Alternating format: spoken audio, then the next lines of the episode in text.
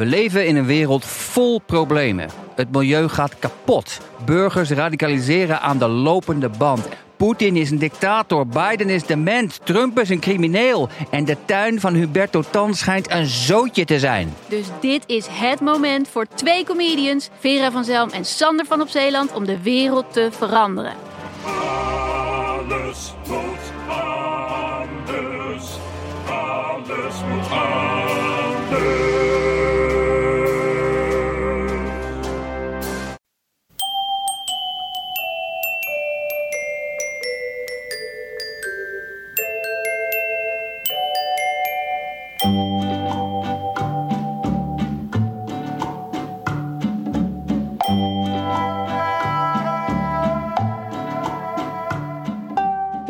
aflevering 88 van de Echt Gebeurd podcast. Bij Echt Gebeurd worden waargebeurde verhalen verteld door mensen die het zelf hebben meegemaakt. Deze week is dat het verhaal van Latoya van der Meren. Het thema van de middag was borsten.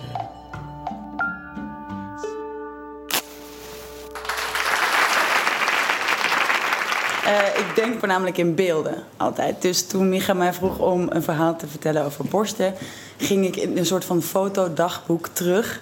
Denken aan wat eh, mijn mening daarover is en hoe dat zo gevormd is. En de eerste herinnering eh, die ik had, was ik denk zes jaar oud. En eh, sta ik met mijn lange rok heel hard omhoog getrokken. En mijn onderbroek op mijn knieën rondjes te draaien in de Koninkrijkszaal van de Jehovah's Getuigen. Want zo ben ik opgevoed. En dat werd mij al heel snel duidelijk dat dat niet de bedoeling was. Dat vonden ze niet gepast en dat zijn niet dingen die je doet. En dat, dat, ja, dat werd me heel erg duidelijk verteld dat dat soort gedrag niet, niet oké was. En ik dacht dan, nee, maar, nou, maar dit voelt echt super lekker. Dus waarom mag ik dit niet doen?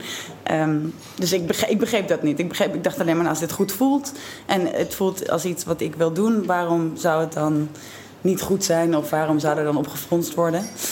Nou, dat was zes. Dan gaan we naar het volgende beeld dat ik heb. Uh, ben ik denk ik 14 ongeveer. Ik woon in Sterksel ondertussen. Sterksel is een dorp tussen Hezen en Maarhezen. Wat je nu waarschijnlijk ook niks zegt. Uh, tussen Leende en Valkswaard. Eindhoven en Weert. Ergens in Brabant, er wonen meer koeien dan mensen. En ik woonde daar. En uh, dat kwam dat mijn moeder bij mijn vader is weggegaan met mij en mijn zus om nou, van hem weg te gaan en van uh, dat geloof, uh, de Joods getuige waarin wij zaten.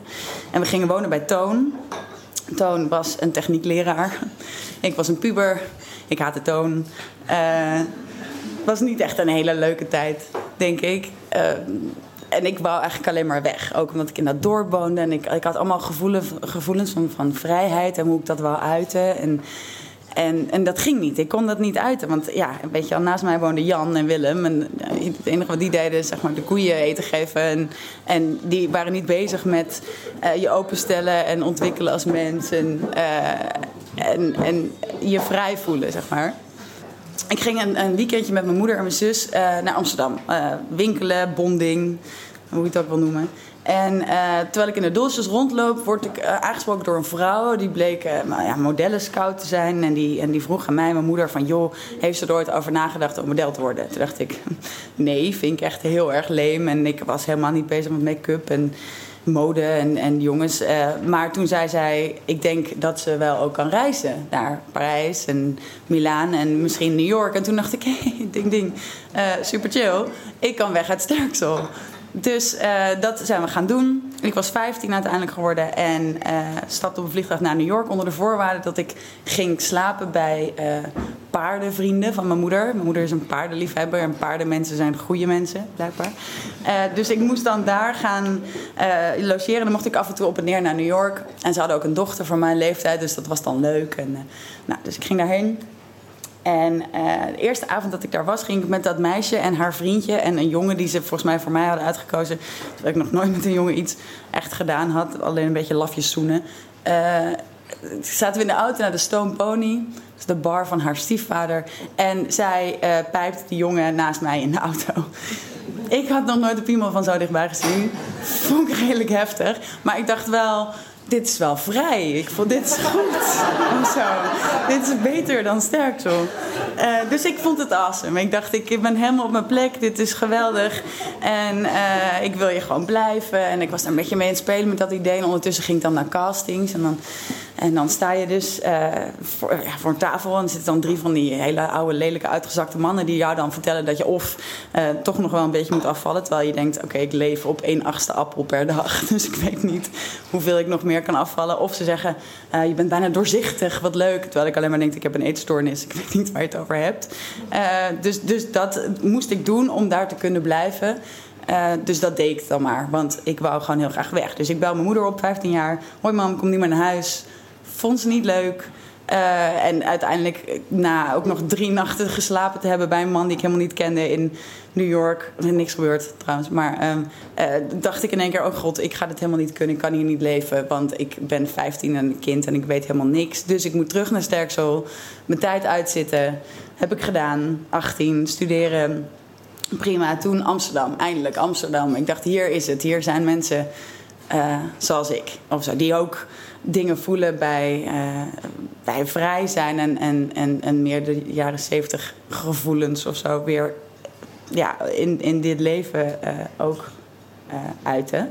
En um, toen was ik daar heel erg mee bezig met die, met die mensen zoeken. Maar ondertussen heb ik heel vaak een, soort van vergadering in mijn hoofd van duizend mensen waarbij ik niet ben uitgenodigd. En dat is heel druk en, en vervelend. En uh, op een of andere manier, als ik dat in beelden kan grijpen, dan wordt het rustig. Dan worden ze kalm en dan kan ik ook even gewoon een beetje mijn mening geven af en toe.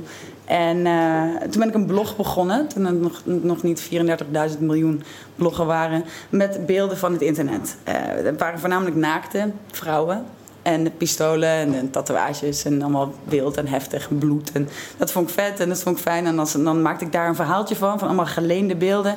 Die zet ik op het internet, schreef ik een tekstje bij en dan zet ik het weg. En dan kon ik weer verder met mijn eigen leven in plaats van de vergadering die gaande was in mijn hoofd.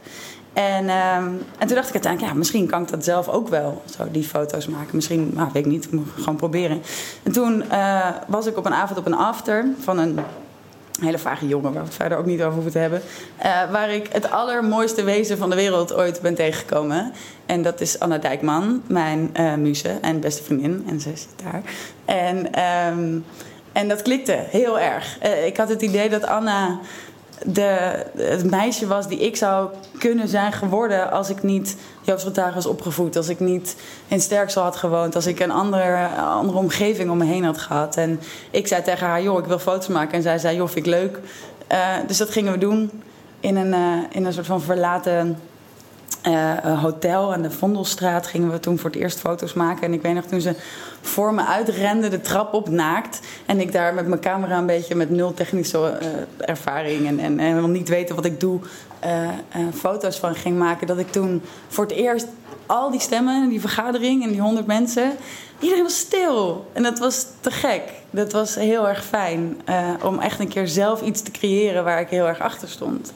En dat is doorgegaan gaat nog steeds door. En het is nog steeds mijn muze. En we, we maken nog steeds heel veel foto's. En uh, uit die foto's komen ook af en toe exposities. En um, uh, vorig jaar had ik een expositie in de supermarkt. En dat stond ook in de Volkskrant. En mijn vader leest de Volkskrant, blijkbaar. Ik weet niet, ik had hem al jaren niet gesproken. En uh, die belde dat hij in Amsterdam was. En dat hij me wel wou zien. Nou, mijn vader is nog steeds zoals getuige en daar, en daar hoorden bepaalde, bepaalde uh, opvattingen bij. En, en nou, laten we zeggen dat zeg maar naakt rondlopen met mannen die niet jouw man zijn, niet echt een van de regels zijn, um, die zij goedkeuren. Uh, dus hij kwam naar die expositie en ik dacht, nou ja, kom maar of zo. Ik weet niet. Ik wil wel weten hoe je je koffie drinkt, wat voor man je bent. Of er misschien iets van mij in jou zit wat ik nog niet weet. Dus kom maar. En uh, laten we daarheen gaan. Dus we staan bij die expositie en er hangt een beeld van uh, Rijn. Dat was toen nog het vriendje van Anne. Volledig naakt.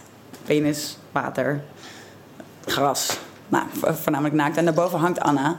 En um, ook naakt. Hetzelfde pak aan.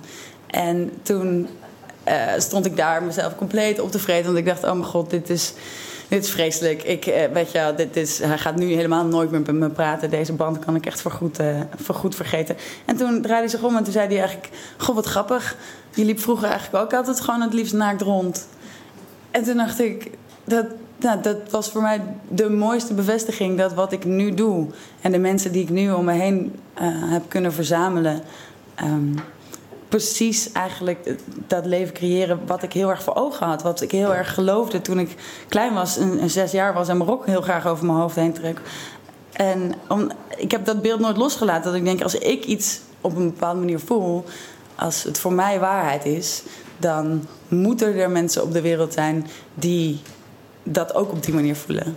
En uh, nu is er een Anna en een Sue en een god weet wat voor mensen nog meer allemaal die dat hebben. En uh, uh, nou, dat vind ik nog wat gek. Dat is het.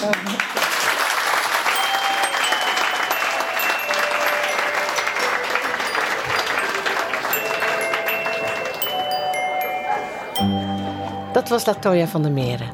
Latoya is fotografe en haar werk kun je bekijken op www.latoyavandermeren.com. Echt gebeurd wordt elke derde zondag van de maand opgenomen in Toemler onder het Hilton in Amsterdam. Heb je zelf een bijzonder verhaal te vertellen of wil je er gewoon een keer bij zijn? Ga dan naar www.echtgebeurd.net. Daar kun je je ook inschrijven voor onze nieuwsbrief. Echt gebeurd komt tot stand met steun van het Stimuleringsfonds Comedy Train en onze redactie. Die bestaat uit Paulien Cornelissen, Micha Wertheim, Rosa van Toledo en mijzelf, Eva Maria Staal. De techniek is in handen van Nicolaas Vrijman.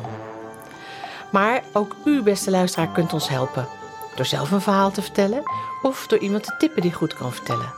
Geef ons een goede waardering op iTunes, like ons op Facebook of volg ons op Twitter of op woord.nl.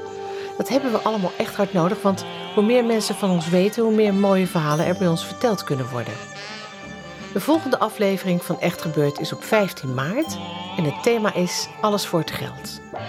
Bedankt voor het luisteren en vergeet niet, een naaktfoto zegt meer dan duizend woorden.